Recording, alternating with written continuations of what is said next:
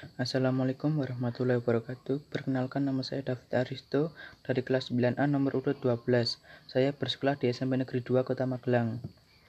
Pada kesempatan kali ini saya akan membahas tentang perubahan sosial di berbagai bidang kehidupan masyarakat yang terjadi pada masa pandemi COVID-19 ini. Kehadiran pandemi COVID-19 telah mengubah tatanan dunia dalam waktu singkat. Barangkali juga tidak ada yang pernah membayangkan bahwa pandemi ini akan menyebabkan derita kemanusiaan yang begitu mendalam. Bahkan dalam waktu yang tidak lama, pandemi ini telah menyebar secara cepat dalam skala luas dan menimbulkan banyak korban jiwa. Secara sosiologis, pandemi COVID-19 telah menyebabkan perubahan sosial yang tidak direncanakan. Artinya, perubahan sosial yang terjadi secara sporadis dan tidak dikendaki kehadirannya oleh masyarakat.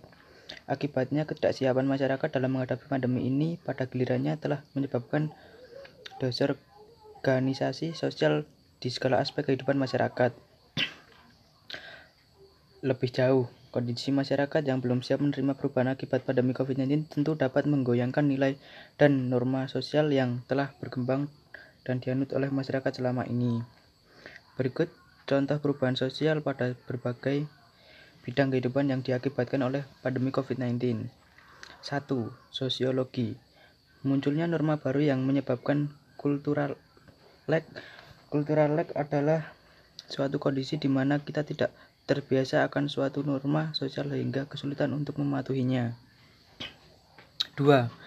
Ekonomi Terjadi penurunan ekonomi karena banyak karyawan yang di PHK. Pendapatan negara juga berkurang terkait dengan kebijakan bebas pajak untuk sementara waktu. 3. Budaya Budaya jabat tangan saat ini sedang dilarang. Alasannya, untuk menghindari penyebab penyebaran virus COVID-19. 4.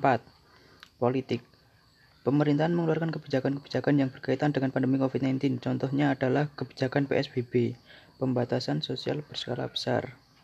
5.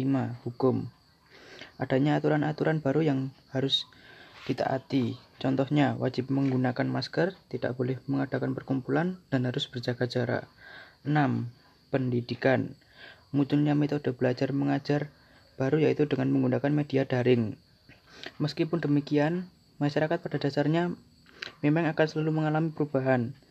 Masyarakat tidak bisa dibayangkan sebagai keadaan yang tetap, melainkan sebagai proses yang senantiasa berubah dengan derajat kecepatan, intensitas, irama, dan tempo yang berbeda. Demikian yang dapat saya sampaikan pada materi ini. Jika ada kesalahan mohon dimaafkan. Terima kasih tetap mematuhi protokol kesehatan. Wassalamualaikum warahmatullahi wabarakatuh.